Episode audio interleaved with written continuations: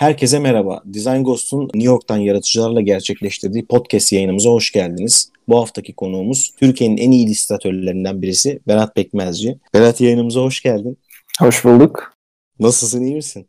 İyiyim. Sen nasılsın? İyi, teşekkür ederim. Sesin güzel geliyor. Ee, Londra'dan katılıyorsun yayına. Evet. Tamamdır.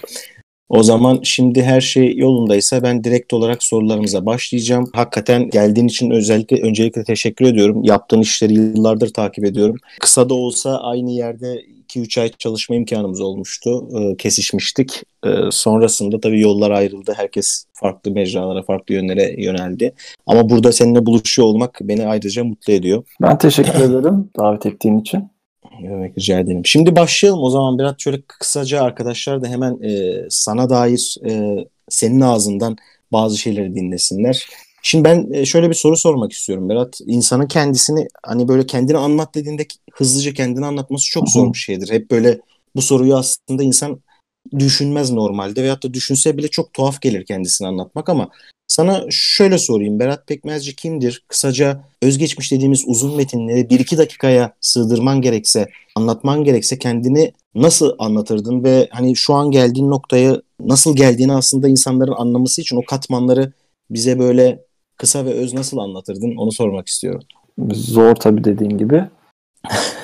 hep, hep çizerek anlatıyorsun. Ne kadar zor yani. olduğunu farkındayım. Ama işte bazen ya yazılı evet. olarak da çok anlattım aslında sesli olarak anlatmak şu an bir garip geldi. Neyse anlatayım.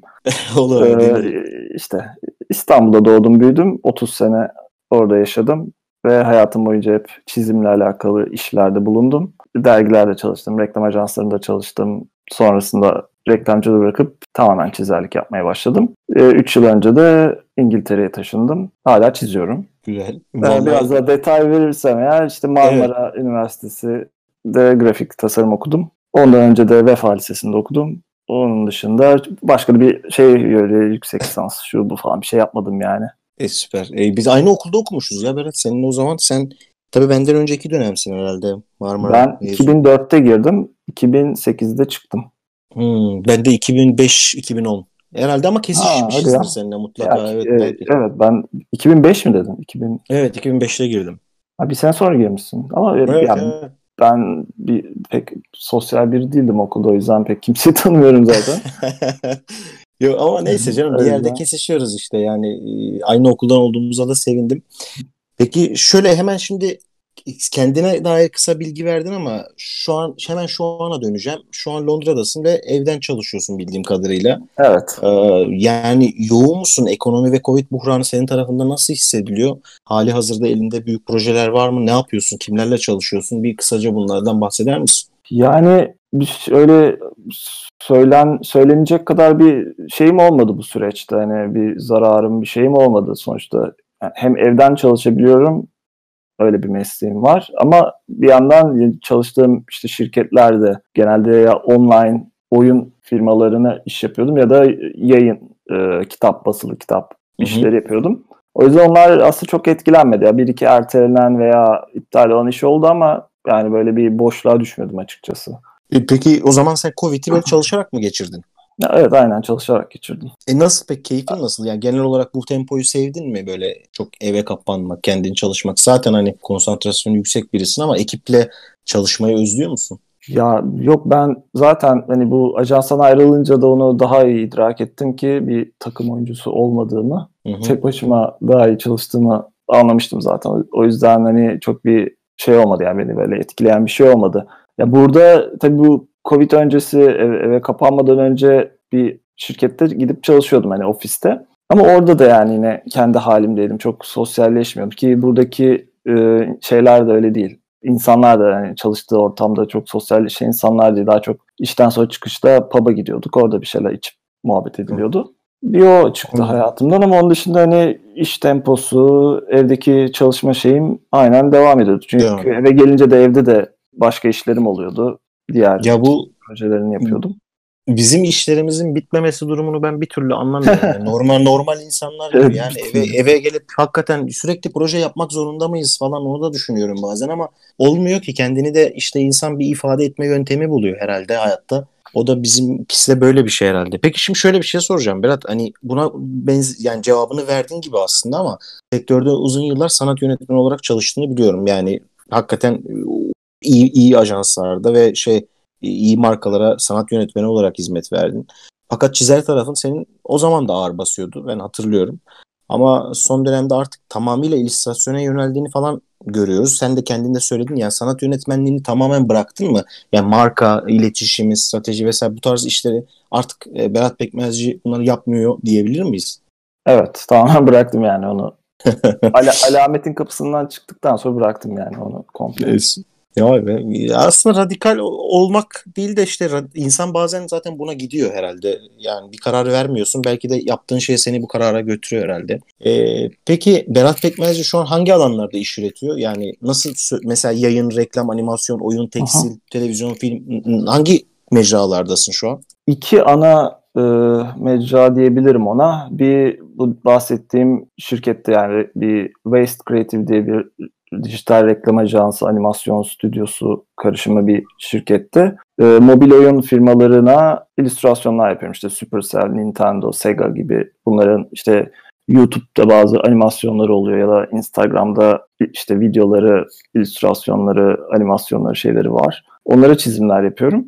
Onun dışında e, kitap, basılı kitaplar oluyor. İşte çocuk kitapları, çizgi romanlar ya da işte kitap kapakları gibi işler var. Onları da bundan kalan vaktimde yapıyorum. İkisiyle de ilgili aslında işte akşamları ve geceleri, hafta sonları.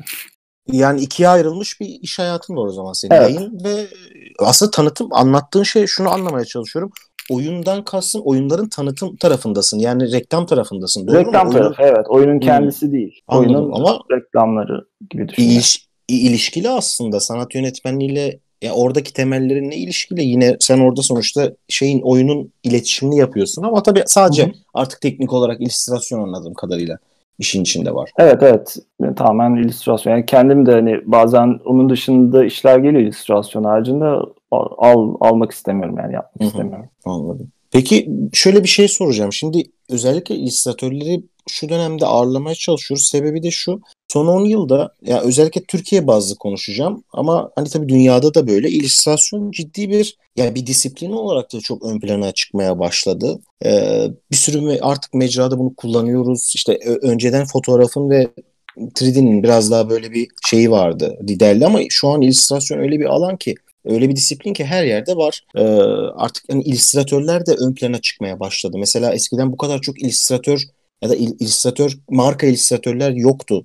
Ya da varsa bile 3-5 kişiydi. Özellikle 20 yıl önceki hocalarımızı falan hatırlıyorum ben ama şu an Hı-hı. hakikaten böyle bayağı bir yaygın. Peki sen okurken mi illüstratör olmaya karar verdin Berat yoksa ya yok piyasa koşulları mı seni buna yönlendirdi? Çünkü evet sanat yönetmenliğini istemediğini ve bıraktığını anladım ama öncesinde böyle bir illüstratör olma hayali vardı da öylesine mi sanat yönetmeni oldun? Oradaki şeyi anlamaya çalışıyorum. Senin kararın Hı-hı. neydi açıkçası? Şöyle o biraz dalgalı bir şey oldu ya benim küçüklüğümden beri istediğim çizer olmaktı. Çizgi roman çizeri hatta temel olarak istediğim şey oydu. Ve sonrasında işte ortaokul, lise yıllarında hani ben bunu şey Güzel Sanatlar Fakültesi olduğunu, burada işte grafik bölümünde daha çizim ağırlıklı işler yapılabildiğini falan filan bunları zaten öğrenmiştim. Ona doğru kendimi hazırladım zaten.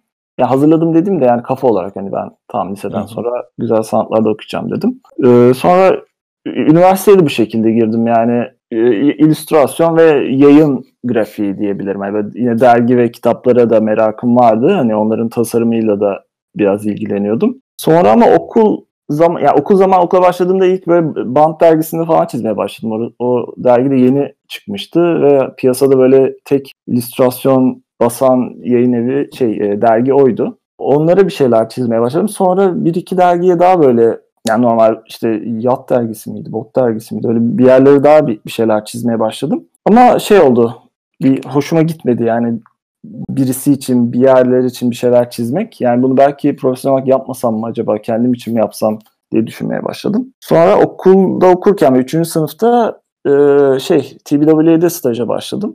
Oradan sonra da hani komple reklamcılığa girdim böyle kafa kol hani şey olarak. yani evet. oraya girince de hani çıkamıyorsun ya. Çıkamıyorsun. Gibi.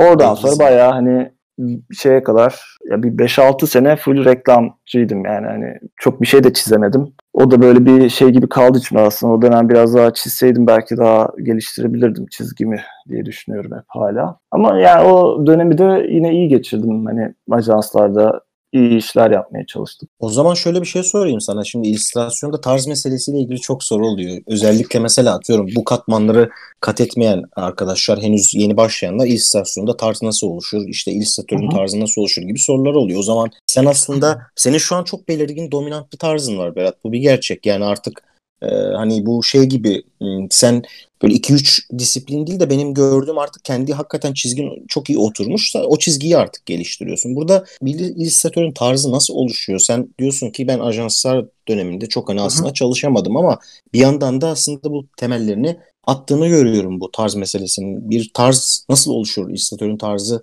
oluşması için ne gerekir? Ye- yeni ya. arkadaşlara bunu nasıl anlatırsın? Hı-hı. Benimki aslında biraz farklı oldu çünkü böyle baya hani analitik düşünerek falan karar verdiğim gibi bir şey oldu bir noktada. Ee, 2012 miydi neydi? O işte alamet farkında çalışıyordum o dönem. Yine bir şey yapılacaktı. Ee, bir strateji sunumu için bir infografikler yapılacaktı. Bunu çizim olarak yapalım dendi. Oradaki çizimi de böyle ben hani o döneme kadar yine çiziyordum bir şeyler ama hani belirgin bir tarz veya bir şey yoktu. Çünkü hani sürekli ürettiğim bir şey yoktu. Hani kimi çizgi roman gibi oluyordu, kimi daha böyle hani line artsız çizimler oluyordu. Yani bir tutarlılığı yoktu açıkçası o döneme kadar.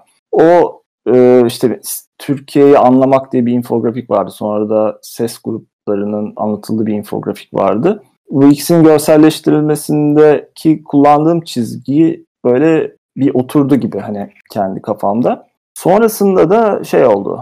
Yine bu dönem, bu yıl 2012 veya 2013'tü.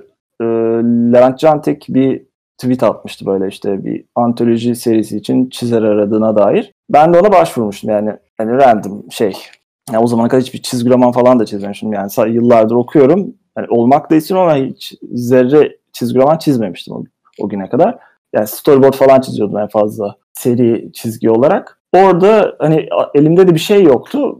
Bu bahsettiğim infografikteki şeyleri yolladım ona. O da beğendi. Sonrasında o çizgi tarzı üzerinden ben biraz e, şey yaptım. Hani sonuçta ardışık bir şeyler çizmen için bir o, oturması lazım. Evet, evet. Çizginin devamlılığını sağlamak lazım. Ben hangi çizgiyi sürekli çizebilirim diye oturup düşündüğümde Aa, bu infografiklerdeki çizgiyi yapabilirim herhalde dedim. Onu yolladım. Levent Can Tek de onu beğenmişti. Sonrasında da oradan üretmeye başladım ve o zamandan beri oradan devam ediyorum. Ee, aslında bu şey reklam ajansları döneminde biraz da hani bilinçaltında alternatif yani aslında içinde olan şeyin alternatif arayışı gibi de olmuş. Yani Levent Cante'ye bu tweet'e atman o hikayeyi dinlemiştim. Hatta YouTube'da da bir videonuz vardı. Ee, nasıl başladığınız ve sürekli grafik romanla ilgili. O zaman hazır lafı gelmişken onu sorayım. Ee, bu Levent Cante'nin Ankara üçlemesi sanırım uzak şehirde beraber çalıştınız. Sonrasında da hala beraber çalışmaya devam ediyor musunuz bilmiyorum ama bu o, grafik roman meselesi e, nasıl Berat? Yani talep görüyor mu? Bir kitlesi var mı? Hakikaten e, yani bu bu dünya nasıl bir dünya? Buradaki dünyayı merak ediyorum ben. Ee, yani Türkiye'de çizgi roman bir son 10 yıldır falan bir arttı üretim olarak baskı olarak hem yabancı çizgi romanların Türkiye'de basımı hem Türkçe olarak üretim 10 yıl son 10 yıldır yani 2010'dan itibaren çok artmış durumda. Onun öncesinde farklı türde çizgi vardı. Yani karikatür dergilerindeki çizgi romanlar vardı. O formatta ilerliyordu. Ondan önce de işte gazete bantları şu bu. Ama son 10 yıldır daha böyle kitap olarak basılan kitaplar artmaya başladı. Hani buna da işte grafik roman olarak adlandırıldı ki hani karikatür dergilerinden falan ayrışsın diye. Halbuki aslında evet, üretilen evet. şey aynı. Hani Aynı doğru. Ve çok 20-30 yıl önce Suat Gönülay'ın ya da Kenan Yarar'ın yaptığı şeyler de çizgi romandı. Ama sadece haftalık dergide yayınlanıyordu. Kitap olarak basılmıyordu. Ama insanların kafasında bu karikatür dergisine yayınlanıyor. Bu karikatürdür diye bir şey oluştuğu için ona grafik roman diye bir etiket yapıştırıp e, piyasaya çıkartmak daha mantıklı oldu. Amerika'da da böyle oldu bu arada. Hani comics deniyordu hani şeylere, çizgi romanlara ve çocuk çizgi roman olarak görünüyordu. Ee, sonrasında işte 70'ler 80'lerde daha yetişkinlere yönelik çizgi romanlar üretilince hani bunu bir şekilde pazarlayalım kitap evlerine daha edebiyat dünyasına nasıl pazarlarız dediklerinde Graphic Novel ismi çıktı. Will Eisner tarafından o da o ismi ortaya çıkardı. O bir e, etiket olarak çıktı işte. Bir artış oldu yani çizgi roman üretiminde ve okul okur sayısında diyeyim. Ya bunun bir faydası şeyden de geldi tabii hani. Bu Marvel filmleriyle beraber yeni nesil çizgi roman okuru türedi yani hani bir genç nesilde. Ama mesela benim dönemimde yani 90'larda büyüyen çocuklar mesela çizgi roman o kadar yaygın değildi. Yani yoktu. Hatta ben abim sayesinde çizgi roman okuru oldum. Ee, benden 5 yaş büyük. O çizgi roman okuyordu. Ben onun sayesinde hani evde çizgi roman okudum. Yoksa benim ne ilkokulda ne ortaokulda lisede çizgi roman okuyan insan yoktu yani. Hani koca okulda olmaz mı yani sınıf şeyimde yani. Yok diye evet ya böyle çok diyorum ya Türkiye'de çok azdı. Bunu çok azdı. E tabii bu şimdi son dönemde olan şeyler illüstratör yani illüstrasyon disiplinini de hani yükseltti diye konuştuk ya insanlar hakikaten illüstratör olmaya ve sadece bir, bir, bir hani eskiden bir, biz bunu bir seçenek olarak görmüyorduk Berat. Ben de okuldayken illüstrasyon dersi alıyordum. Aynı ya aynı okulda okuduk sonuçta ama bunun bir e, yüzde yüz benim hayatımı kaplayacak. Ben de seviyorum illüstrasyon ama hiçbir zaman yüzde yüz şeye inanmadım. Ya bu, bu bir meslek olur da tamamına bununla evet. geçiniriz falan gibi. Ama şimdi artık bunu diyebiliyor insanlar. Şöyle bir sorun var sana. Şimdi eski eski jenerasyonlara nazaran illüstrasyon artık daha popüler ve daha çok insanın kariyer seçimi olmaya başladı. Piyasada markalaşan isimleri de görüyoruz. Bunlardan birisi de sensin. Bu noktada kendi iletişimini nasıl yapıyorsun? Marka olabilmek için bir illüstratör ne yapmalı? Üretmenin dışında, iyi üretmenin dışında. Sonuçta senin sosyal medya iletişimlerin var. Ya vesaire. Özel bir çaban var mı buradan? Ne nasıl bir yol izliyorsun? Yani İş... özel çaba olarak paylaşıyorum yani farklı mecralarda. Yani farklı mecra dedim Instagram ve Twitter aslında ağırlıklı olarak. Onun dışında hani çok bir promosyon gibi bir şey yapmıyorum. Ya da hani başka türlü bir şeye de yani bunu da çok yardımcı olabileceğimi düşünmüyorum. Yani hakikaten iş yapıyorum ve bunu paylaşıyorsun. Kendi hesaplarımda paylaşıyorum açıkçası. Ya daha doğrusu şöyle bir de yaptığım ya bir noktadan sonra yaptığın işler görünür yerlerde kullanılmaya başlanınca aslında senin yerine onlar biraz daha senin reklamını yapıyor gibi. Hani bazı dergilere çizmeye başladığında o dergilerde görünür oluyorsun e, reklam işlerinde oluyor, kitaplarda oluyor. Yani o, oralarda görünmeye başlıyorsun aslında bir noktadan sonra oturup kendi promosyonunu yap, yapmana bir gerek kalmıyor. Eyvallah. Peki Türkiye'de illüstratör olarak hayatını sürdürmek isteyen birisi nasıl bir yol, izlemeli? Şu an hani şu an onlara söyleyebileceğin önceden yaptığın hatalar veyahut da doğrular tecrübelerin nezdinde gerçekten hani kafasında illüstratörlük çok netse nasıl bir yola gitmeli? Çünkü sonuçta biz de bizim de bocaladığımız dönemler oldu ya da işte senin anlattığın gibi ajans dehlizine girdi, girildi vesaire. Şu an sen olsan ne yapardın? Nasıl bir öneride bulunurdun arkadaşlara? Öncelikle Türkiye'den ayrılmalarını önerirdim. Bu radikal evet radikal bir şey. Evet yani, abi. E, yani onun dışında bence hani bir kere e, şeyde insanlar Türkiye'de yaşıyor diye Türkiye'ye iş yapmak zorunda olduğunu düşünmemeli. Şu Kesinlikle. an tüm dünya her yerden iş yapılıyor yani. Bu buradaki şirketler Çin'den de çizerlerle çalışıyor. Hindistan'dan da, Amerika'dan da, Brezilya'dan da. A- aynı anda bir sürü yerden çizerlerle çalışılıyor. Önemli olan aradaki kontakt bazen temsilci ajansları oluyor, bazen siteler oluyor.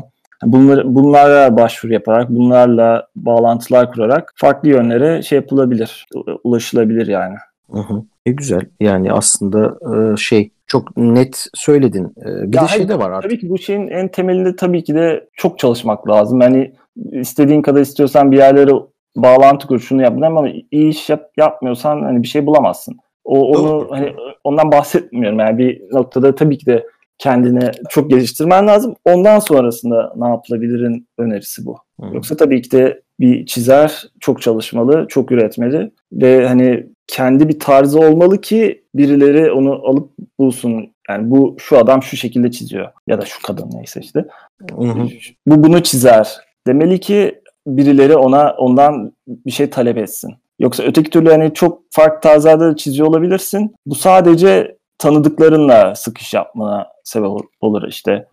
İşte Mesut her türlü çizer, onu da çizer, bunu da çizer, onunla yaptıralım mı? Ancak seni tanıyan arkadaşların doğru, doğru. Yoksa Singapur'daki bir reklam ajansı seni bulup web sitenden Aa, bu her türlü çiziyormuş bunu da çizdirelim demez. Tam tersi der ki bu hani oturmamış bunun tarzı. Hem böyle yapıyor hem şöyle yapıyor. O Biz zaman daha aslında... hani stabil bir tarza sahip insanla çalışmalıyız. Daha garanti olması için der. E, doğru. Şimdi Türkiye reklam sektöründe de şöyle bir algı var ya mesela şimdi aslında son 5-10 yılda tarzları belirgin olan insanlar evet ortaya çıktı ama ondan öncesinde de hatırlıyorum böyle her şeyi yapabilen insanlar vardı ve onları biz sadece biz biliyorduk. Yani atıyorduk işte bu tarzda çiziyordu, o tarzda çiziyordu ama e, bir markalaşma işte bu bahsettiğim mesele markalaşma meselesi belki de özveriyle ve bir bir alana ciddi odaklanmayla olan bir şey belki de. Peki şöyle bir soru sorsam sana yaptığın işi yeterince tatmin edici buluyor musun? Senin açından işin sorgulanabilir bir tarafı var mı? Mutlaka sorgulamışsındır ama Hala yani bir tatminsizlik ya da bir şeyin var mı? Kafanda soru işaretlerin var mı Berat? Ya şöyle oluyor bende hani iş amaçlı yaptığım çizimlerde genelde hani ilk önceliğin müşterinin memnun olması oluyor yani. Sonuçta işe alan onlar, parayı veren doğru, onlar. Doğru, bir şekilde doğru. memnun etmen gerekiyor. Bu beni mutlu etmeyebiliyor sonunda çıkarttığım iş. O yüzden hani bir yandan bu da benim hani hayattaki en sevdiğim şey çizmek. O yüzden hani mutsuz olduğum bir şeyle devam etmek yerine hani kendim için de bir şeyler çizmeye her zaman devam ediyorum ki e, bu işi seveyim, hala yapayım ve kendimi yine geliştireyim. Yoksa öteki türlü birilerine tatmin etmekle geçecek hayat. O yüzden var mı şu hani, an? Nasıl? Şu an çalıştığın sadece kendine özel projelerin var mı? Bildiğimiz ya, ya da kendime yaptığım şeyler normal hani poster illüstrasyonları falan yapıyorum. Hı-hı. Kendim için işte sağda solda paylaştığım şeyler oluyor. Onun dışında işte çizgi roman çiziyorum bir tane. Ee, Amerika'da bir yayın evine daha açıklanmadığı için onu da söyleyemiyorum. Bir yıldır falan ilk, e, ilk kitabı üzerinde çalışıyordum. Geçen ay bitti. Hı hı. Önümüzdeki Büyük. ayda ikinci cilde başlayacağım. Yani Amerika'da mı yayınlanacak yoksa dünyada Nasıl Yok bütün nasıl? dünyada ama yayın evi Amerikalı. Amerikalı. E, süper güzel projeymiş merak ettim valla. B- büyük mü ya şey uzun bir hikaye mi çizgi roman mı yoksa daha hani böyle mini hikayelerin olduğu bir seri Yok yani işte ilk kitap 144 sayfaydı. Bu hmm. ikinci kitap da öyle. Sonra üçüncü kitap da öyle olacak. Öyle bir üçleme. Bayağı yoğunsun ya biraz. Hakikaten hani Covid evet. Covid dinlemiyorsun. Hiç çalışıyorsun valla. Evet o zaten yani çok yoğundu ya. Her hafta 4 sayfa 4 sayfa çizerek bitti o kitap. Öldüm yani. o zaman şimdi yurt dışı meselesine biraz gelmek istiyorum. Berat bunu çok konuşmadık. Ee, yurt dışı ile ilgili bazı sorularım var sana. Hı-hı. Türkiye'de tanın, tanınan, bilinen ve çoğu markanın, ajansın çalışmak istediği bir isimsin. Ee, tecrübelerin var, işte çevren, network'ün var, artı yeteneğin var. Neden İngiltere'ye gittin? Bu soruyu sormam mümkün mü sana? Bunu cevaplar mısın? E, tabii cevaplarım en yani en kolay demeyeyim de yani şartların en uygun olduğu yer burasıydı benim için. Sen de biliyorsun işte Ankara Anlaşması diye bir şey var. Ee, Türk vatandaşlarına tanınan bir hak Birleşik Krallık tarafından. Burada gelip işte iş kuruyorsun ve para kazanman gerekiyor ki işte vergi ödeyesin, kraliçe mutlu olsun diye bir sistemleri var kısacası. Yani aslında ilk baktığında hani böyle şey e, basit gibi geliyor da aslında o kadar basit bir şey değil. Sana sadece hani şey veriyorlar bir tane pasaportuna bir, bir aylık vize veriyorlar. Ondan sonra ne halin varsa gör diyorlar. Bir yıl içinde kâra geçen bir şirket kur diyorlar sana. Onu alıp yar, yardır yardır şey yapıyorsun.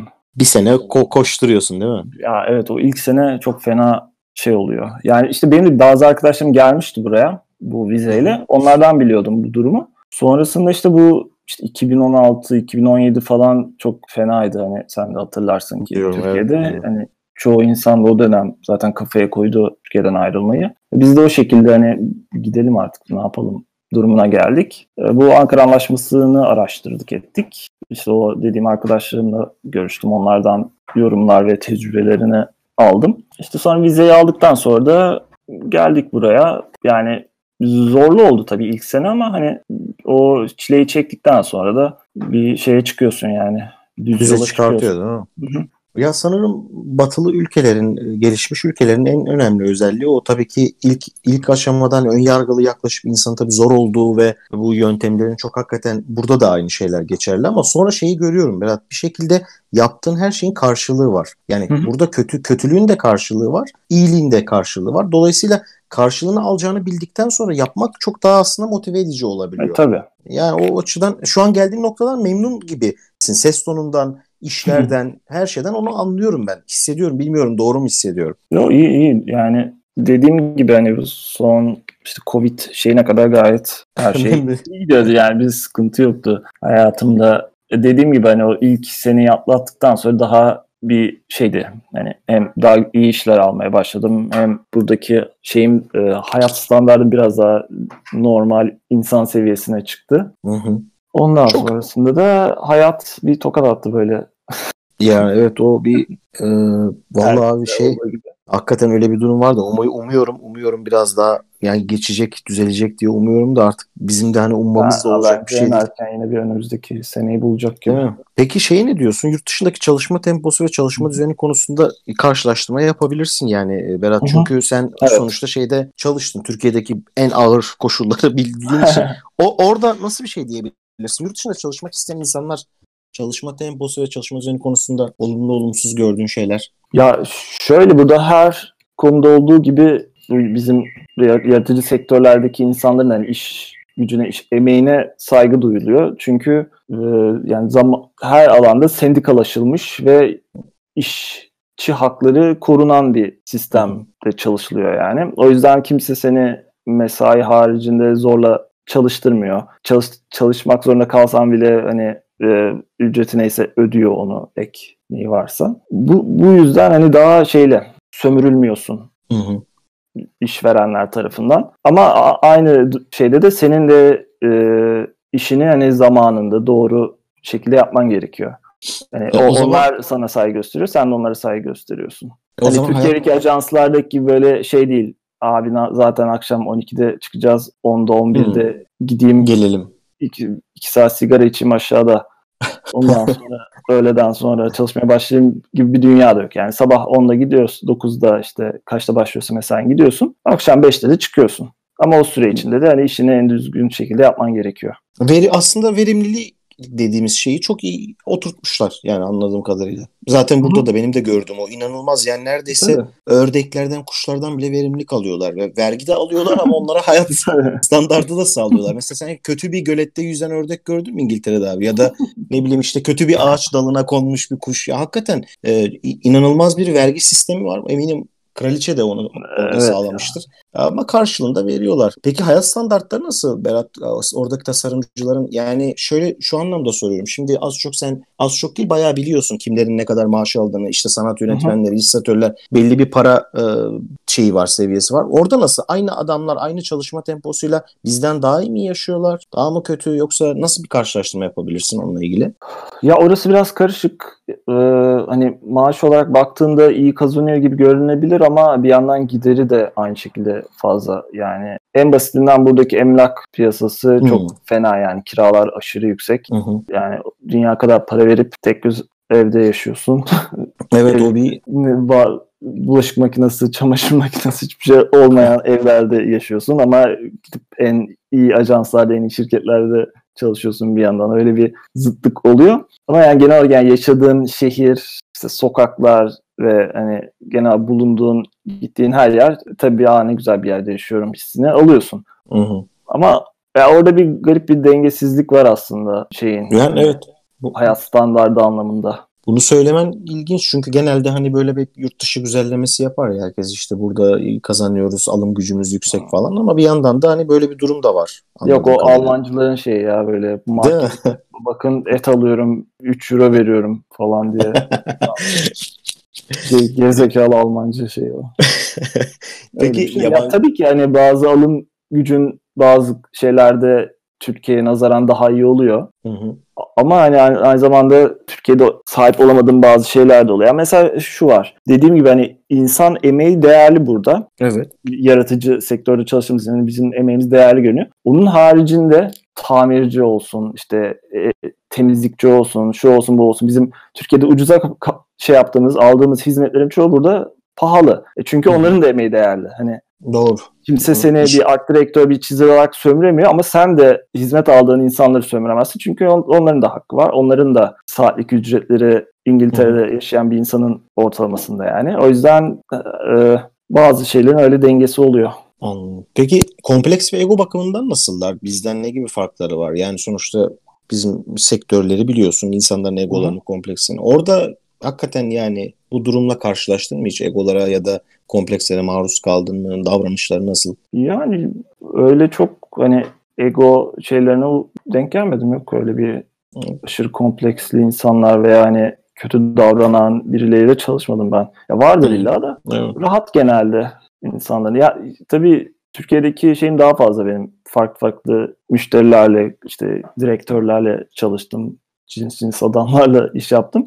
Burada o kadar fazla şey görmedim yani karşılaştırabilecek kadar. Ama çalıştıklarım genelde iyi insanlardı. Yani aslında şunu merak ediyordum. Hani kişisel dünyalarıyla uğraşmak, hani işle uğraşırken bile kişisel insanların duygu dünyalarıyla uğraşıyorsun ha. ya Türkiye'de. Öyle bir şey yok anladığım kadarıyla. Yani işinle herkes yok. Evet. Yani anladım. Türkiye'de Peki. karısını sevmeyen kreatif direktörler yüzünden hafta sonu ajansa gitmek zorunda kalıyorduk. Burada öyle bir şey yok. Evet evet. Peki o zaman hemen Ajans Türkiye dünyasına dönelim. Berat e, hep yurt dışı konuşmayalım. Peki reklam sektörüyle halen iş yapmıyorsun anladığım kadarıyla Türkiye reklam sektörüyle ya da mesela yo, ajanslarda bırak yapıyorum. yapıyor musun? Ha? O zaman e, güzel. Ya benim, sor. Benim şöyle yani arkadaşlarımın büyük çoğunu reklamcılar hala Türkiye'deki reklamcılar. Hmm, Çevrem de hani oradan. O yüzden iş, iş teklifleri geliyor hala. Arada Hı-hı. yapıyorum hani şeye. E, süper. O zaman şöyle bakabilir miyiz? Sen şimdi ajansları bıraktıktan sonra ki çalışma şekillerini dışarıdan görme şansın olur. Gördüğün olumsuz yanlar var mı? Evet açıkçası onu merak ediyorum. Ya mesela ödemeler konusunda nasıllar? Ödemeleri taahhüt ettiği gibi düzgün yapıyorlar mıydı? Falan gibi sorun bir sorun var mesela sana.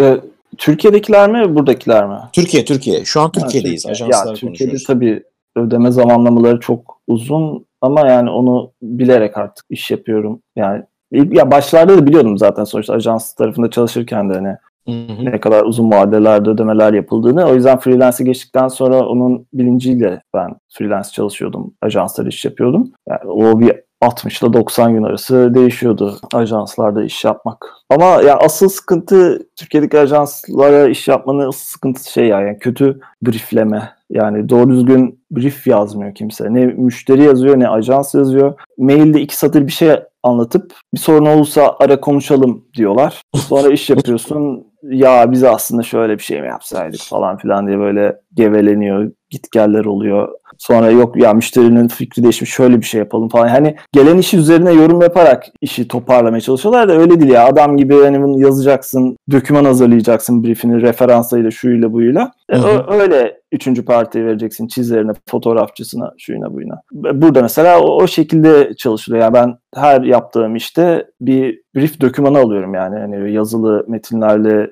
referans görselleriyle, şunlarıyla bunlarıyla. Çünkü çok ya spesifik bir şey istedikleri için hani senden onu çizmeni, yapmanı istiyorlar. Aslında çok iyi işte. Yani çünkü şey de var yani sen bir işi yapıyorsan onun e, referan şey revizyon sayısı belli. Belirli bir revizyondan sonra ek ücret alıyorsun onun için. Ya da hani hmm. tekrar çizmen gerekirse ona göre ek, ek bir ücret alıyorsun. Müşteriler bunu bildiği için en az git gel şeyinde çözmeye çalışıyorlar. O yüzden daha net bir şekilde sana işi istiyorlar. Yani senden o işi öyle istiyorlar. O zaman müşterileri yeterince ya şöyle bir sorun vardı. Türkiye'deki müşterileri yeterince donanımlı buluyor musun? Sorun var ya aslında ajans dediğim şey müşteri de aynı zamanda Hı-hı. Burada buradaki fikrin ne mesela? O zaman do, yani donanımdan kastım şu. Yani şu senin karşında senin işini belki de senden daha iyi bilen insanlar var ya şu an İngiltere'de ki seni o yüzden seni doğru evet. biliyorlar. Türkiye'de bu durumun tam tersi olduğunu düşünüyor musun? Ya da ya, görüşün ne? Her şey herkes çok kötü diyemem tabii ki. Hani çok Hı-hı. iyi ve düzgün insanlarla da çalıştım ama hakikaten dediğim gibi çoğunluğu çok işini bilmiyor ya da e, doğru şekilde eğitim almamış ama bu işi yapıyor gibi hı hı. diyebilirim yani. Adam benimle çalışıyor ama işçi oluyorsun ya biz bu biraz çizgi roman gibi olmuş falan. Lan ben çizgi roman çiziyorum zaten benden ne bekliyordun? doğru doğru. Doğru. Peki daha çiz, çalıştığı adamın ne iş yapacağını bilmeden ona iş veriyor.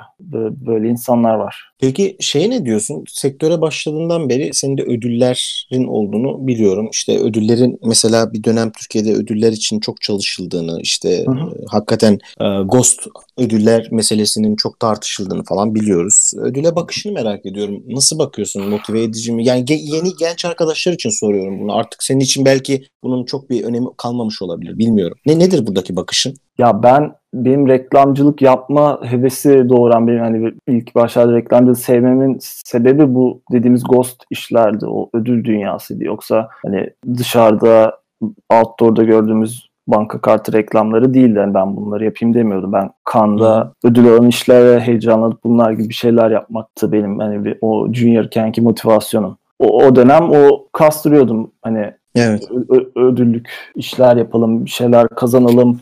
Ee, yani en azından güzel bir iş yapalım. Hani iyi bir iş yapalım heyecanıyla o reklamcılığa girmiştim. Hı hı. Sonra da alamet farkıya girdim. Hiç onunla alakası olmayan bir ajans. Evet ya. Orada tabii o böyle bir üstüne çöküyor o gerçek reklamcılık budur şeyiyle Serdar Ener'in sopasıyla. orada orada da orada da tabii başka türlü. Orada da mesela alamet farkında çalıştığım için ben aslında çizerliğe doğru evrildim. Çünkü hani orada bana öyle bir fırsat doğdu. Serdar Ener çizerleri seven bir insan. Çizgi romanı da seven bir insan. O yüzden hani bana başka fırsatlar doğurdu ve aslında illüstratör olmamda alamet farkı sağladı bir noktada. Ama yani başka bir ajansta olsaydım daha böyle Belki. ödül için çalışan bir ajansta ha- hakikaten ödül için kastıran bir art direktör olurdum. Çünkü yani Hı. sevdiğim iş oydu yani sevdiğim şeyler. Çünkü ya dediğim gibi hani bir yandan tatmin olman gerekiyor. Tatmin olmazsa aslında bak da çok iğrenç bir iş yani reklamcılık. hani millete kanserojen abur cubur satmak ya da borçlandırarak çalışmaz. Doğru. Doğru ama bir Yani yandan ya da... çok iyi para kazanıyor olman lazım ya da hani seni çok mutlu ediyor olması lazım ki hani hayatın buna adayasın. Hı hı. E, çok iyi para da kazanmıyorsun hani belli bir noktaya gelmeden önce reklamcılıkta. Boktan boktan o reklamları yapınca da hani bir tatmin sağlamıyor sana. E, ne yapacağım? Aa, bak böyle de bir şey var diye zaten zamanında böyle bir paravan yapmışlar ödül dünyası diye. E, o oraya iş, onlara yönelik iş yapalım bir şeyin gazına geliyorsun. Bir noktada hani ödül alarak başka ajanslara transfer olma durumları oluyor. E, o da onun da öyle bir faydası oluyor. O yüzden yani ben reklamcı olarak kalsaydım ödül reklamcılığına çok okeydim yani. Ama geçtim. Vay be. Aslında bu yani bu da şey bir bakış açısı. Ben e, hani hem hem böyle genelde bu soruyu sorduğunda herkes aslında evet senin gibi bu bu işin ilk zamanlarda motivasyon motive edici olduğundan bahsediyordu ama hani sen biraz daha olayın şey tarafından bahsettin o açıdan güzel oldu. Yani e, hani a- alametin mesela oradaki tavrı çok netti. Hiçbir şekilde ödüle Yok, iş evet. falan yok. Öyle bir çalışma temposu da yoktu. Ama bilmiyorum artık bence hala var mı? Biz de tabii uzun yıllardır şeyden uzağız o ajans dünyasının içinden. Artık eskisi kadar da motive edici olmayabilir. Şöyle bir sorun var bununla bağlantılı. Türkiye'deki ajanslarda, ünvanlarda hızlı bir sıçrama olduğunu düşünüyor musun? Berat yani sence insanlara çabuk ünvanlar veriliyor mu? Öyle bir soru da sorayım sana aynı şeyle bağlantılı. Yani tabii dünyada bir tek sektörün yarısı grup ed olan başka bir şey yok herhalde yani. Hani Türkiye'de ne kadar reklamcı varsa hepsi ya grup et ya kreatif direktör hani. Doğru, doğru. Peki Herkes- bunun ya şey işte seniorlığa gelene ya işte seni grup et yapalım diyorlar. Yok işte grup creative director yapalım diyorlar. Bir şeyler yapıyorlar. Yani işte 5 kişilik grup kuruyorsun. İkisi head oluyor, bir creative director oluyor. Bir tane junior var altta. Yaldır yaldır ona iş yaptırıyorlar. Diğerleri de tepesinde bekleyip yorum yapıyor gibi bir hale geliyor. Hı hı. Teşekkür ederim dürüst cevabın için. Peki yurt dışında bunu nasıl gördün? Yani sen gör, şey yurt dışında bunu gözlemleme şansın oldu mu? İnsanların yaşları, ünvanları hakikaten böyle yani bununla ilgili bir hiç görüşün var mı dikkatini çeken? Ya burada şey yok. E, grup et diye bir şey yok tabii ama şöyle işte junior, midweight ve senior diye kademelendiriliyor işte kreatifler veya designerlar. Hı hı. En tepede de creative director oluyor. Yani öyle bir sistem var. Ama mesela hani senior junior'ı yönetmiyor ya da midweight junior'a şey yapmıyor. Öyle bir hiyerarşik yapı değil. Herkesin creative direktörü bağlı olduğu ama tecrübesine göre işleri paylaştığı bir sistem var buradaki şirketlerde. Hı hı. Peki Türkiye'de e, illüstrasyon ajansları, illüstrasyon üreten illüstratörlerle çalışan ajanslar var mı? Berat bilgin var mı bu konuda? Yani buradaki Türkiye'deki şey sektörü direkt olarak hani illüstrasyon ajansı diye bildiğin yerler var mı? Ya zaman içinde böyle açılıp kapanan bir iki yer oldu. Şimdi de FAM var galiba. Hı hı. Ee, onun dışında da bilmiyorum açıkçası.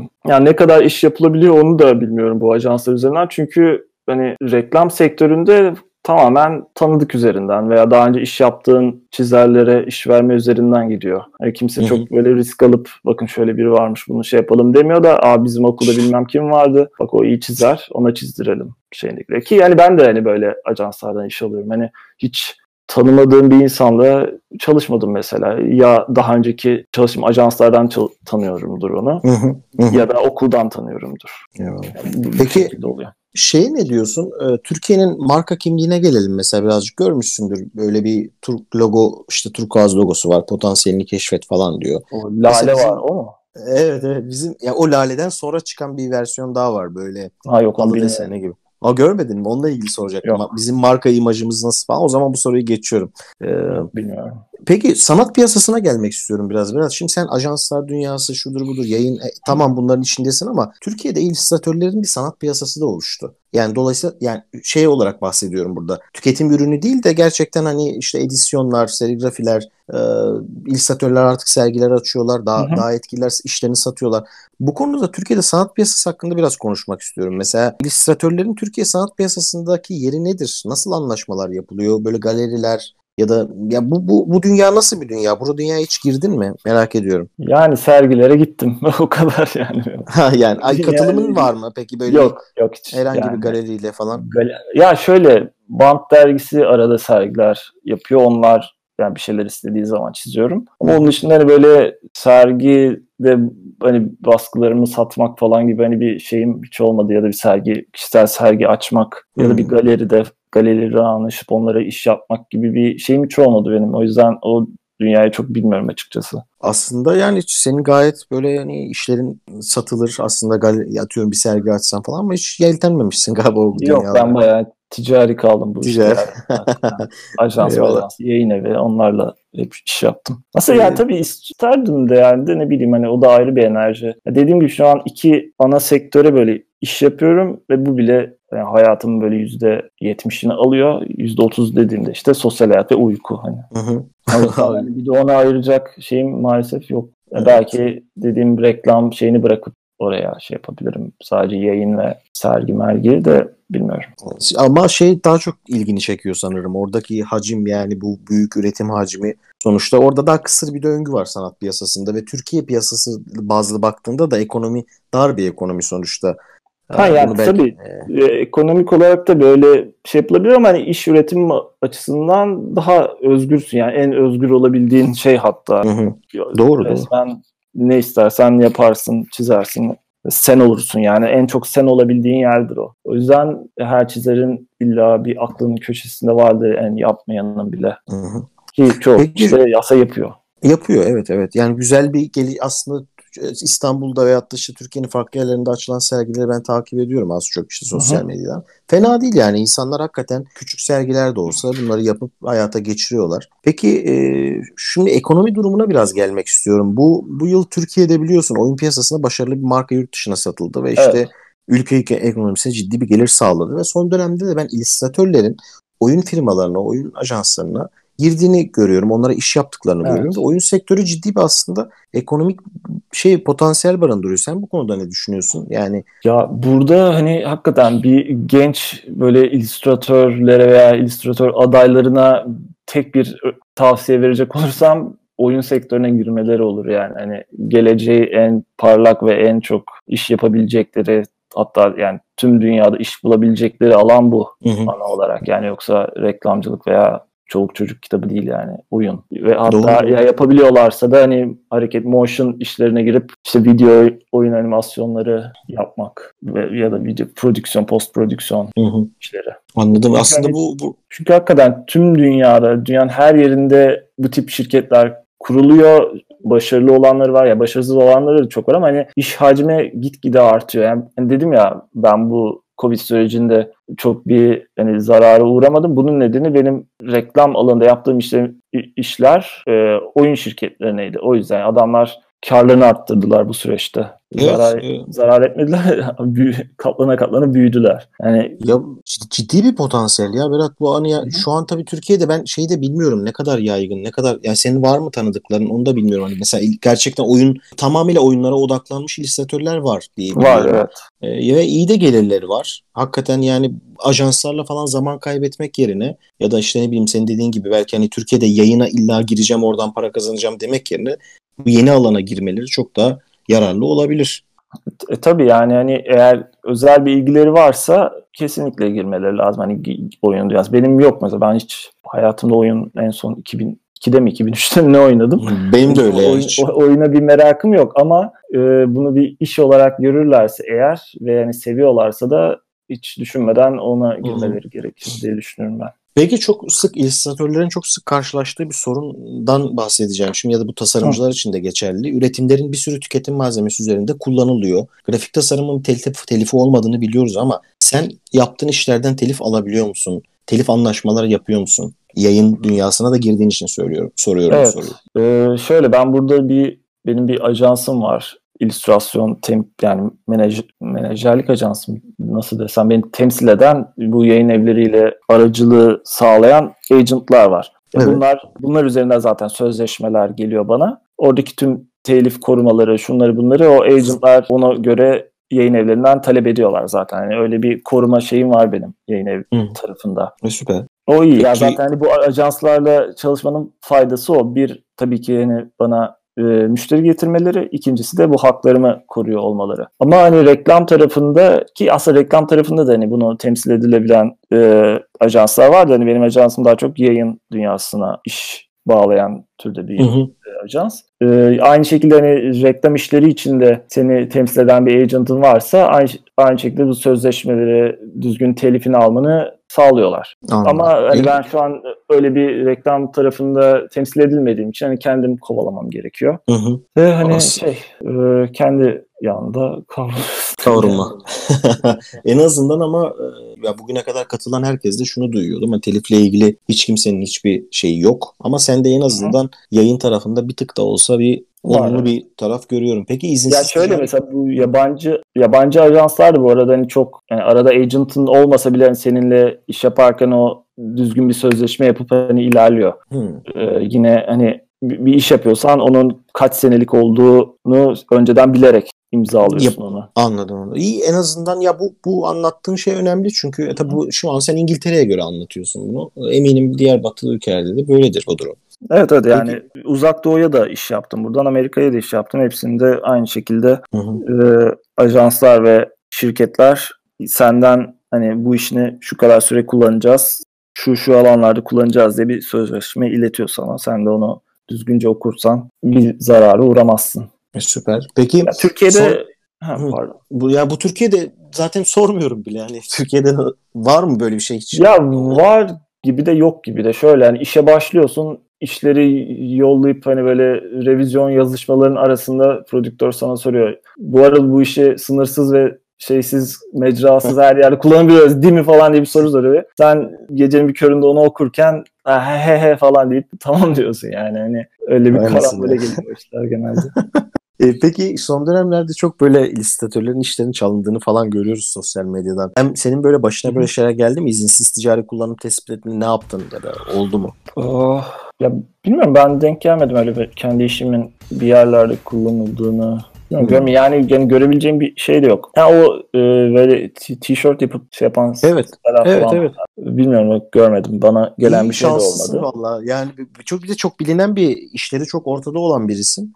Hı hı. Seninkileri alma. Bayağı böyle birkaç kişi de hep gördüm ben hani böyle piyasada. Çok hakikaten bayağı alıp aynısını işte Ethem Onur Bilgiç'in işte Burak Şentürk'ün falan tişörtlere basıyorlar direkt. Ya şey oluyor böyle sosyal medyada falan hani alıp kendi işi olarak koyanlar oluyor ki hesabına falan da bu öyle çok önemli bir şey değil ama hani üzerinden para kazanıldığını görmedim hani herhangi bir. Anladım, anladım. Peki şey ne diyorsun? Eğitime gelelim biraz. Şimdi Berat senin eğitim tarafını konuşalım istiyorum. Bu Türkiye'deki güzel sanatlar fakültelerinde direkt olarak illüstrasyon bölümlerinin açılmalı mı sence? Yani illüstrasyon hep grafik tasarımın içinde bir tabii şey olarak veriliyor ya müfredatlarda. Ama artık artık geldiğimiz noktada bence böyle çok aslında şey çok baskın bir noktaya geldi. Bununla ilgili bir görüşün var mı? Bilmek isterim. Ya açıkçası öyle ayrıca bir bölüm olacak kadar bir eğitim verilmesine gerek olmadığını düşünüyorum. Ben illüstrasyon açısından konuşuyorum. Hı hı. E, grafik bölümüne girdikten sonra hani belki 3. veya 4. sınıftan sonra sadece ona yönelik dersler alınıp mezun olduğunda ha ben illüstratör oldum diyebileceğin şekilde bir evrim olabilir belki. Yani bizim sende de öyleydi muhtemelen hani bir e, 3. ve 4. sınıfta proje dersi alıyorduk ya orada reklam evet, projesi evet. veya yayın projesi seçiyordum. Doğru. doğru ya onun gibi hani oradan e, illüstrasyona e, şey yapabilirsin hani kendi tercihlerinle. Yoksa ayrıca hani 4 sene lisans eğitimini alıp illüstratör olmak bilmiyorum çok gerekli gibi gelmiyor bana. Askeri gidince komutan öyle mi diyeceksin? Nesin sen? illüstrasyon mezunu komutanı mı diyeceksin? Grafik tasarımı bile anlatmak zor oldu yani. Ha, sen yani. de sen de zaten geçen şeyde yapmışsın ya bir daha gitmek istemediniz ya askerliği koymuşsun herhalde senin kötü mü geçti yoksa sıkıldın mı? Ya yok çok tam tersi aslında bayağı iyi geçti askerliğim. Çünkü dediğim gibi ben hakikaten komutan dedim ben reklamcıyım, çiziyorum falan dedim. Bana ona göre bir iş verdiler. Bayağı uçak filosunda askerlik yapıyordum. Oo. Orada işte böyle uçak posterleri falan yaptım. Orada kol patchleri vardı onları çizdim. E, süpermiş Keyifliydi abi. yani. Şu anki komutanların hepsi hapiste olmasa da iyiydi tabii. Ya abi ben de aslında yani çok güzel bir askerlik geçirdim ama bir daha git tabii ki gitmem e, yani e, tabii öyle ki bir kafaya ama yani, o yüzden saçma sapan. Ya elimde niye benim elimde tüfek var? Her defasında her nöbette e, aynı şey. Ya, niye, niye tüfek var ya diyorum. Ya en azından bana da şey demişti. O zaman sen de gel yazıcı ol demişti. İşte Excel tablosu biliyor musun? Ben de biliyorum dedim ama Excel bizim için hani çok kolay olacağını düşünmüştüm. Fakat biz tabii Adobe disiplinine alıştık.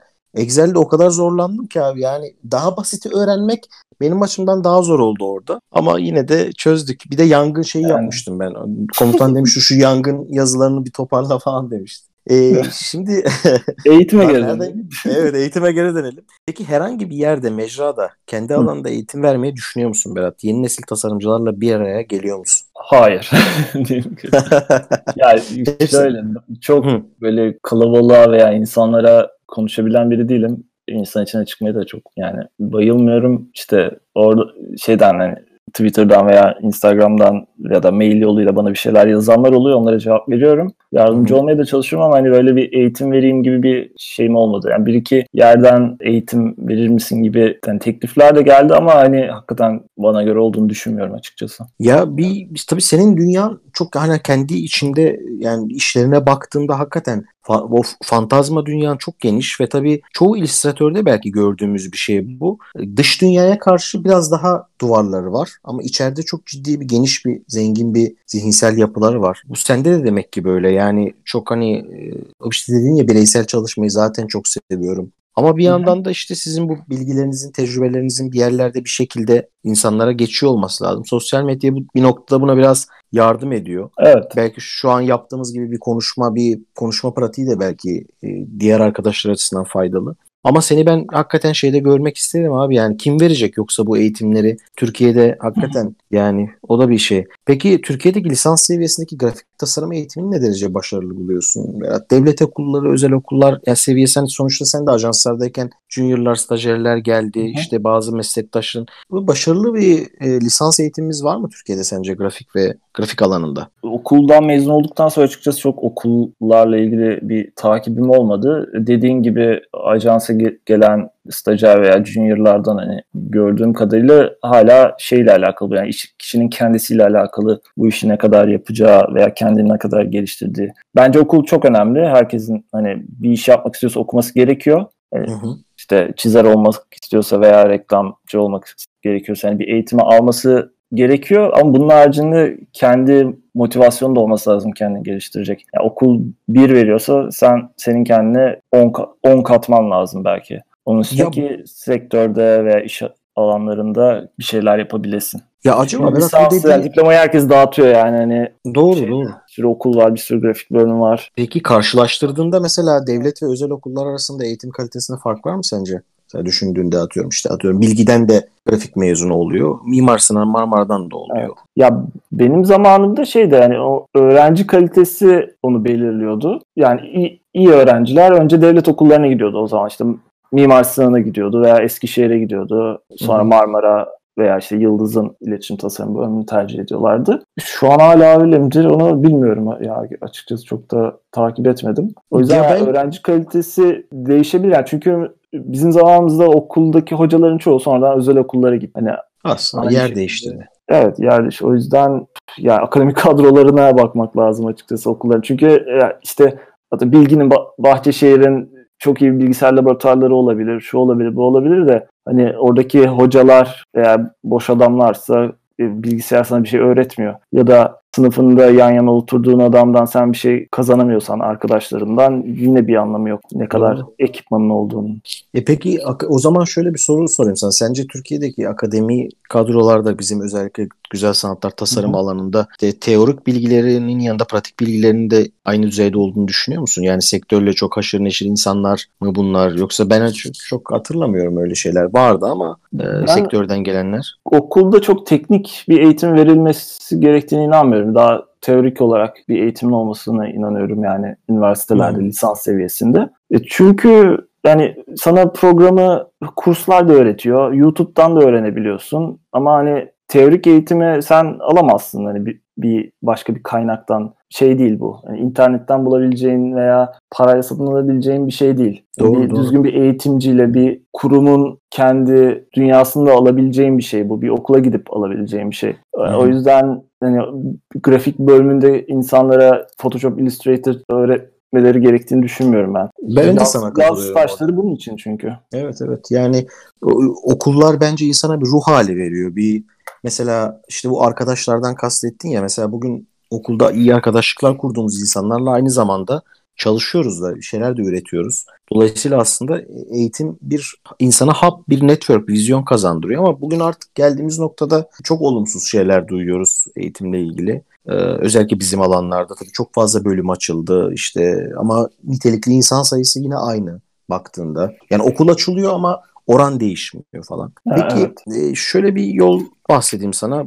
Ben mesela yani yeni bu işlere başlayan arkadaşların en büyük sorunlarından birisi portfolyo sorunu Berat. Hı hı. Ee, sen ajanslarda çalışırken belki deneyimlemişsindir ya da sana mail olarak sosyal medyadan gelmiştir. Portfolyo yapımında ya da söyleyebileceğin staj ve junior başvurularında en çok dikkatini çeken olumsuz durum ne? Var mı? Ve hakikaten olumlu olarak onlara portfolyolarını hazırlarken ne önerebilirsin?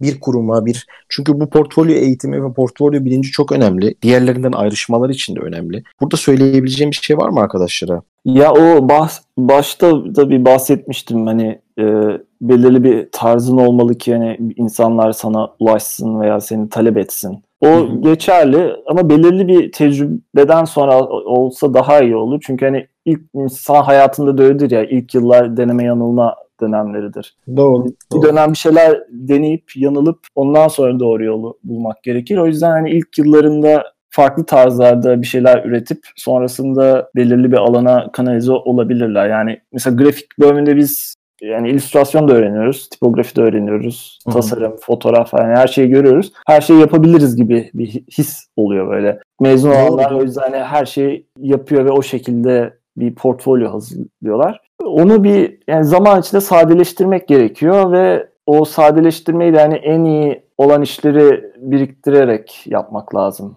Hı hı. Yani çok çör çöp doldurmadan biraz eleyerek ve hani kendini en iyi yansıttığın şekilde. Ve tabii nereye başvurduğunla da alakalı. Yani reklam ajansına başvuruyorsan oturup çizimlerini koy, koymaman lazım. Reklam projeleri varsa onları koyman lazım. Ya da oyun şirketine gideceksen onlar senin foto editine bakmayacaklar. Senin karakter tasarımına veya mekan tasarımlarına bakacaklar. Ona göre ayarlaman lazım. Yani öncelikle nereye başvurduklarını iyi bir düşünmesi gerekiyor insanların. Sonrasında da ona göre e, portfolyonu şekillendirmen gerekiyor. Anladım. Yani aslında her yere aynı portfolyoyu atmayın. E, tabii. Kısaca bunu söylüyorsun yani. Peki e, Berat bu kadar güzel şeyler yapıyorsun. Hakikaten bu kadar fan, fantastik dünyalar yaratıyorsun ki Türkiye'de de böyle e, mesela bence senin illüstrasyon tarzın da ben yani teknikten falan çok şeye çok takılıyorum böyle oluşturduğun fantastik dünya yani böyle bir e, birazcık böyle uzak doğudaki o şey hisleri de var. Ütopik dünyalar gibi geliyor. O, o hoşuma gidiyor. Sen nelerden besleniyorsun? Bir illüstratör yani sadece illüstrasyon yaparak içinden beslenemez. Yani dış dünyada da bir şeyler yapıyor olmalı ya da yapıyor mu, yapmalı mı? Bunu merak ediyorum.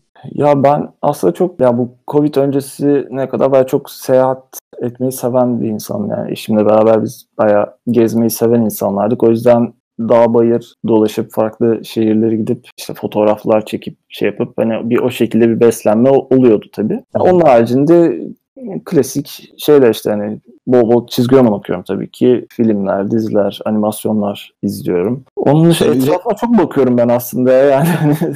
E, belli zaten çünkü İstanbul manzaraların falan çok gözlem üzerine kurulmuş böyle şeyler. Ya bütün benim çocukluğum aslında pencereden bakarak geçti. Çok sokağa çıkıp oynayan biri değildim. Daha çok çok pencereden bakıp oyun oynayanları izleyen biriydim. O yüzden küçüklüğümden beri hep etrafımı inceliyorum bir şekilde. Valla Covid işin var ya bir tane işte tuvalette böyle maskeli falan son Covid'de yaptığın. O mesela tam aslında e, onu çok güzel özetleyen bir iş. Şunu çok beğenmiştim böyle maskesi işte kedisi yanında falan böyle. Aha. Pencerede pencerede bir dünya var o içeride falan böyle. E, hakikaten kendine kurduğun dünya burada bence çok başarılı ve ben şeyi de beğendim. Son kapağı da çok beğendim İstanbul manzarasını. Teşekkürler. Peki şunu hiç yaptın mı? Hiç ara verdin mi ya da o eşeğe geldiğin vakitler oluyor mu Berat? Ya yeter ulan bir çıkıp bu işleri bırakıp hani hakikaten böyle eşiklerin oldu mu? Bunu ya aslında hayatımda ilk defa onu bu, bu yaz yaşadım diyebilirim. O e, dediğim kitabı bitirdikten sonra böyle bir yorgunluk geldi. Ya benim normalde mesaim aslında şu şekilde oluyor. Sabah kalkıyorum işte bir egzersiz egzersiz yapıp çalışmaya başlıyorum akşam yemeği yiyip işte belki bir şeyler izleyip sonra tekrar yatana kadar tekrar çalışıyorum gibi bir düzenim vardı. Yani böyle günde 10-12 saati bulan. Bu süreçte bir, artık bıkkınlık mı oldu? Yani bir, bir sene boyunca sürekli çalışmanın yorgunluğu mu oldu artık? Neyse bir daraldım yani. Hani yapmak zorunda olduğum şeyleri sadece yaptım. Hı hı. Ondan sonra geçti gibi tekrar çünkü işte hayat.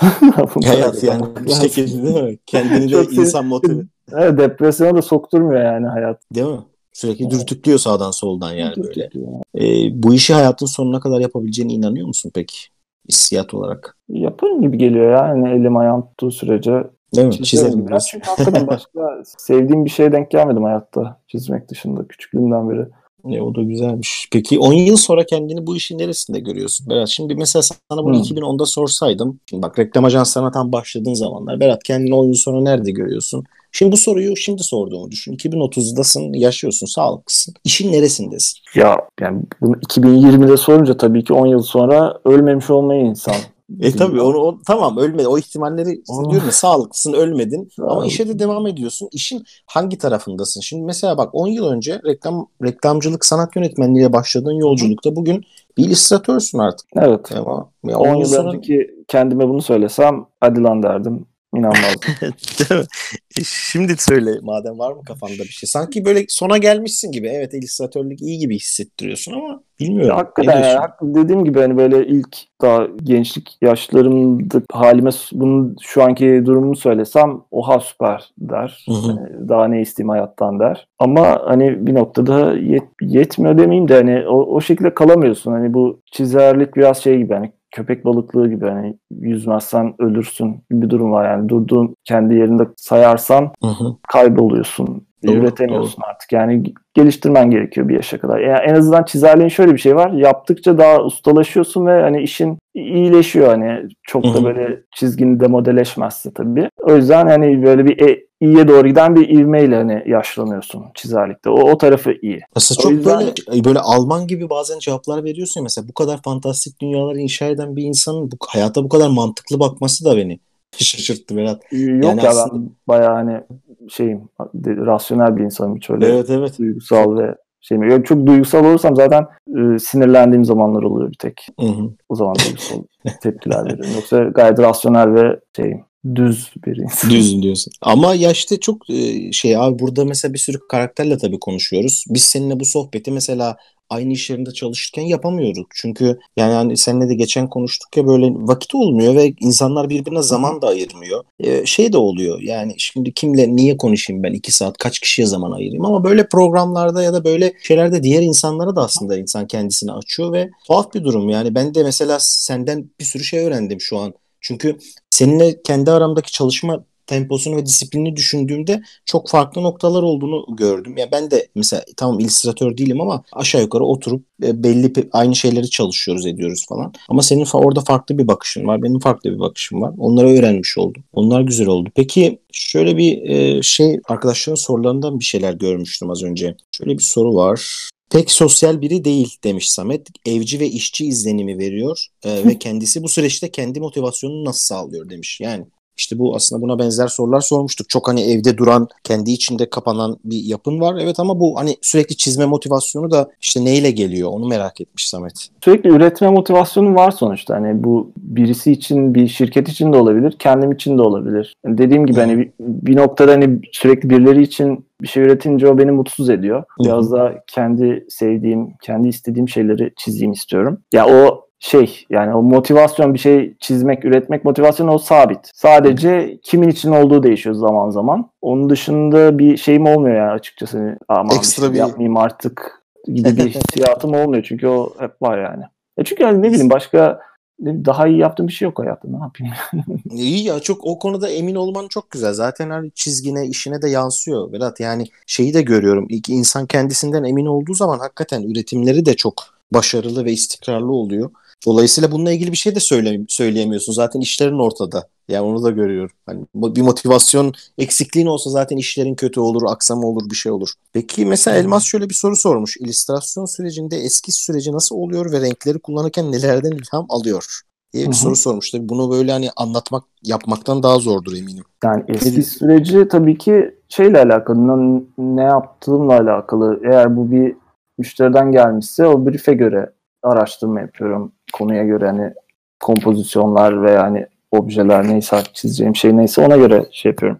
Hı hı. Kendim için çiziyorsam da açıkçası ne çizmek istiyorsam onu çiziyorum. Hani uzay gemisi çizmek istiyorsam onu çiziyorum. Birilerini çizmek istiyorsam ona göre şey yapıyorum. Ama hani dediğim gibi hani ilk e, kağıdın başına nasıl ne amaçla oturduğunla alakalı o ilk eskize nasıl başladığın, Hı-hı. ne için çiziyorsun, ne, ne yapman gerekiyor.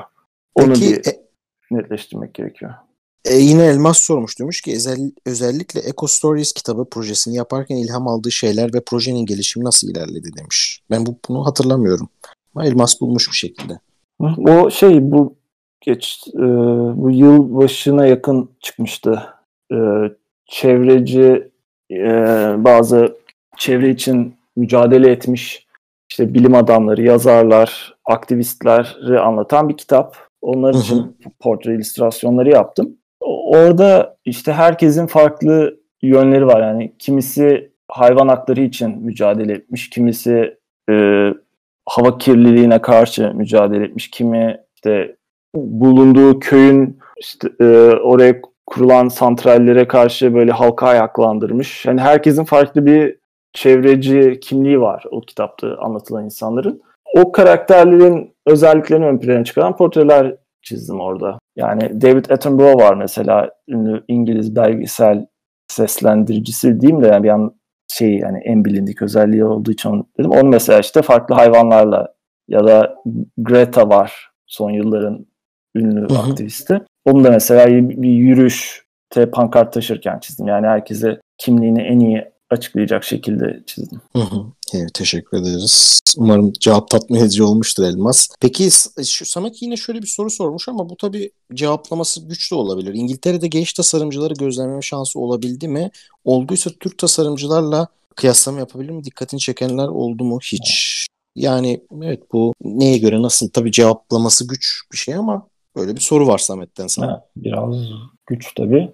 Yani aslında yani öğrenci projelerine falan bak baktığımızda ya burada da bir iki şey gittim böyle okulun e, mezuniyet sergileri gibi şeylere. Hı hı. Aslında öğrenci projeleri açısından bakıldığında çok bir şey olmuyor. Yani hani Türkiye'dekinden de farklı değil aslında o, o yaş grubundaki insanların ürettikleri işler. Ama hani sektöre geçince bir kırılma oluyor. Ya bu şey gibi Türk futbolundaki altyapıdaki yıldızlar A takıma çıkınca böyle kaybolurlar ama Avrupa'ya gidince parlarlar ya ona benzeyen bir durum var galiba. Sektör o yaratıcı insanları bir şekilde kendine göre şekillendiriyor, yamultuyor veya sivriltiyor. O yüzden biraz da hani okul sonrası nerede ne yaptığına göre değişiyor insanların gelişimi. Ama gördüğüm benim aslında çok da böyle yaratıcılığın veya iyi iş üretmenin genetik bir şey olmadığı. Hani dünyanın her yerinde iyi insanlar var, iyi yaratıcı insanlar var. Ama bulunduğu çevreye göre farklı yönlere evriliyorlar. Güzel bir cevaptı. Teşekkür ederiz. Arkadaşlar başka sorular olan varsa son toparlayalım artık yazsınlar. Benim şöyle bir şey aklıma geldi. Biraz senin futbolla bir ilişkin var diye hatırlıyorum. Ben ya futbolu böyle bir aslında futbolu seviyor musun? Öyle bir şeyler hmm. hatırlıyorum post. Şöyle yani. futbolun sahada yapılan şeyler haricinde her şeyini çok seviyorum. evet mesela bundan yani hiç bahsetmedin. For, formaları yani. çok seviyorum. Yani hayatta iki şey üzerine çok uzun uzun konuşabilirim. Biri işte çizgi romanlar, diğeri de formalar. Onun dışında işte başka işte stadyum mimarisini de çok seviyorum mesela ya da hani kulüplerin tarihlerini, şunların bunlarını yani o ama sahada olan biteni çok futbolu izleyici olarak çok da sevmiyorum artık ya öyle diyeyim. Yani oturup bir maç izle, izlemiyorum. Ama, ama izliyordun yani. E, eskiden izliyordum. Yani hı hı. en son tutkuyla takip ettiğim işte o 2010 Fenerbahçe'siydi. Yani o zaman o Samet'in zaman... şöyle bir sorusu var. Hangi takımlı kendisi acaba demiş hemen. Ha ben Fenerbahçeliyim. Mesela Asiye'de illüstrasyon dışında ilgilendiği şeyler neler diye sormuş. Sen tam bunu cevaplamış oldun aslında formalar. Formalar ya peki evet. Türkiye'de böyle spor markalarına iş yapma şansın oldu mu? Çünkü alamette falan Beşiktaş vardı diye hatırlıyorum. Ama Beşiktaş sen... vardı ama biz bir de Uğurcan abiyle Ordu Spor'un bir ha, sezon evet. formalarını beraber yaptık. Ya her sene biriyle yapıyordu. Ben de işte 2013 mü 2014 o sezonki formalarda yardım etmiştim. Var Uğurcan abi, yani. yani Uğurcan Ataoğlu o, o dönem Ordu Spor yönetimindeydi. O, oraya yine bir şeyler çizmiştim böyle Hector Cooper falan çizmiştim. Teknik direktördü o dönem. Onun abi. yani Nike falan da iş yaptım illüstratör olarak da hani futbolla alakalı değildi o onlar. Valla umuyorum böyle projelerde yer alırsın. Yani çünkü şey e, Sokrates'te falan çizmiş miydin? Öyle bir ilişkin var Sokrates'e de evet on, onlara da şey, Değil mi? her Dünya Kupası veya Avrupa Şampiyonası zamanı bir poster moster işi yapıyorum. Bu sene işte şey yaptım. E, kart oyunu yaptılar. Board game yap, yapıldı bir tane. Ajansı Grey'di. Hı hı. E, o iş mesela çok seve seve yaptım. Yani hemen bana teklif geldiğinde atladım yani. Çünkü dediler ki işte 20-30 tane futbolcu çizeceksin dönemine göre işte eski retro formalarla falan dedim ben Aa, okay. güzel projeymiş hakikaten. Nerede var mı yayında mı şu an Berat proje? Ya o aslında o işi e, bir tek şeyde görebiliyorsun. Sokrates'in YouTube kanalında bu oyunu oynadıkları iki tane video yaptılar. Onun dışında üretime geçilmedi çünkü bu işte biraz böyle şey e, ödül işi gibi yaptı ajans muhtemelen. Hmm. Çok seri üretime geçmediler diye biliyorum yani. Bir iki numune ürettiler sadece. Mesela Ama şey eğlenceli yani. E, şey sormuş. Eğlenceliydi. Asiye Nike'la çalışmak nasıl bir tecrübeydi? Nike'la direkt mi çalıştın yoksa bir ajans bağlantısıyla mı çalışmıştın? Nike şöyle e, Nike ve Bant'ın bir e, iki projede çalıştım. Biri e, bir koşu ayakkabısı modeli çıkmıştı. Onunla ilgili Bant dergisi ve birkaç çizerle beraber bir sergi yapılmıştı. Hı. Bir de bir koşu mağazası için Nike'ın e, iç illüstrasyonlarını yapmıştım. Hı. E, süpermiş aslında güzelmiş. Peki e, Samet hemen bak magazinel bir soru sormuş. Arsenal'den Mesut Özil'i alıp Fenerbahçe'ye getirmek gibi plan var mı? falan diye bunlara e, e, böyle sorular Yok, gelmiş. Mesut olmaz Fenerbahçe'de. Gelmez mi diyorsun? Yok yani gelmesin. Değil mi? Ben. Hakikaten yani böyle neyse ben de çok yorum yapmayacağım. Şeye dönüyor insan sinirleniyor sonra. Elmas şöyle bir soru sormuş. Demiş ki bu sektöre reklam illüstrasyon parantez içinde ilk başlayan juniorlara önerilerin ne olabilir genel anlamda demiş. Böyle bir hakikaten bu sen toparlayıcı bir şey söylesen aslında. Demiş ki bu sektöre yani reklam ve il, reklam ajansları, illüstrasyon, çizerlik ilk başlayan juniorlara önerileri ne olabilir genel anlamda? Elmas'ın hani böyle bir aslında benim sonda soracağım soruyu sormuş gibi diyelim. Yani benim böyle şey bir sorum vardı. Hani ne söylemek istersin gençlere hakikaten e, işe dair, mesleğe dair ve tabii ki Fenerbahçe gifleri falan atılıyor. Şu an olay koptu biraz. Nereden açıldı konu güzel oldu. Ee, ya böyle hakikaten arkadaşlar. Yapma abi ya. Fenerlilerin çoğu böyle oldu ama ya. Hakikaten büyük bir hayal kırıklığı oldu yani ülkede her alanda olduğu gibi. Neyse buna ne diyorsun peki bu şey olayına?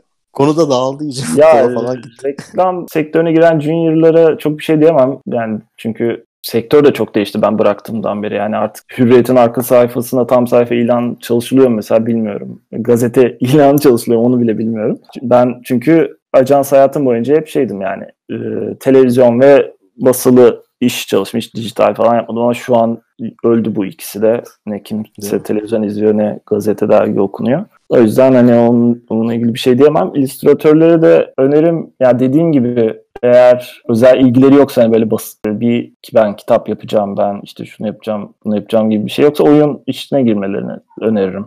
Çünkü hani oyun veya işte şey e, prodüksiyon hani motion grafikler veya animasyon alanlarına girmelerini öneririm ben. Güzel bir tavsiye ya. Umarım e, tavsiyeni dinlerler, zaman kaybetmezler. Çünkü ben de o alanlarda... Ya biraz hakikaten... realistik olmak gerekiyor. Yani hani şey bu biraz böyle insanlar ressamlıkmış gibi bakıyor bu işe ama hani illüstratörlük aslında bayağı bildiğin beyaz yaka bir iş. Birilerine bir şeyler çiziyorsun. Birileri senden bir şeyler istiyor. Onları karşılıyorsun. Doğru, yani doğru. O yüzden yani eğer çizmeyi seviyorsan önce onun kararını vermen lazım. Yani ressam mı olacaksın yoksa illüstratör mü olacaksın? Evet illüstratör işte sen... dediğin bayağı dediğim gibi bir işçilik yani. Sen bu kararını çok net vermişsin ama belki hani reklamcı Hı. temelli olmandan kaynaklanır. O olabilir. Sana, evet. sana. E sen direkt endüstrinin içine girip evet yani ben endüstriye tüketim malzemelerine yönelik iş yapacağım deyip hani Hı. işin o tarafına geçmişsin. O açıdan senin söylediklerin bence önemli. Dinleyeceklerdir diye umuyorum. Şimdi Asiye'den bir şey daha geliyor. Son bir soru varsa alalım. Ee, demişler ki oyun sektörü Türkiye'de şu an çok popüler. Hyper, hyper casual oyun firmaları var. Mobil oyun yapar şirketler var. Dream Peak gibi soru yok. Sorry. ya sadece yorum belirtmiş Asiye. Tamam abi o zaman e, tamam. senin söylemek istediğin bir şey varsa yorum ya bir buçuk saatte konuştuk ki sen çok konuşan biri değilsin biliyorum e, ondan sonra. Hakikaten e, bizi şey yaptın bir buçuk saat sorularımızı sabırla e, cevapladın. Teşekkür ediyoruz o açıdan. Ee, varsa söylemek istediğin son bir şeyler arkadaşlara e, dinlemek isteriz. Herkese teşekkür ediyorum dinledikleri için. Ee, Sorular için Ber- de teşekkür ederim. Ee, Berat'ı zaten takip etmek isteyenler sosyal medyadan çok rahatlıkla bulabilir. İşlerini güncel olarak zaten günlük olarak senin gibi paylaşımın şeyin var. Hep e, bilgilendiriyorsun, paylaşıyorsun. Sorular sorabilirsiniz, cevaplar. Ee, arkadaşlar sen, sana teşekkür ediyorlar. Biz de teşekkür ediyoruz Berat. Geldin yayınımıza. E, Design Ghost'ta onurlandırdın. E, bilgilerinle, tecrübelerinle. O zaman e, kapatıyorum e, konuşmayı. E, kendine iyi bak. Sen Görüşmek iyi bak. üzere. Görüşürüz. Tamam. Bye bye.